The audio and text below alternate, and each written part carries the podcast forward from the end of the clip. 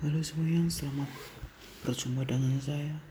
Saya untuk podcast kali ini akan menceritakan sedikit mengenai filsuf-filsuf tentang sains astronomi. Oke, uh, untuk pertama kali ya, ini ada cerita mengenai Thales. Thales terkenal sebagai guru politik yang berhasil mempengaruhi orang-orang Miletos untuk tidak takut kepada Kreosos Raja Lydia, tapi tidak berhasil mempengaruhi federasi negara-negara Ionia untuk melawan Lydia.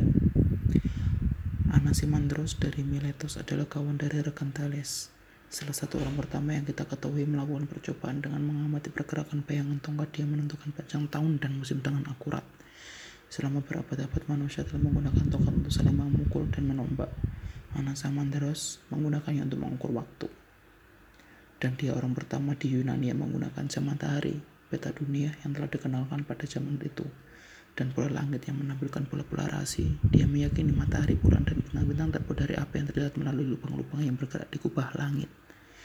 Barangkali gagasan yang jauh lebih dai, yang jauh lebih tua itu, dia mengiyakan pandangan bahwa bumi tidak digantung atau disokong dari langit, tapi berdiri sendiri di pusat alam semesta.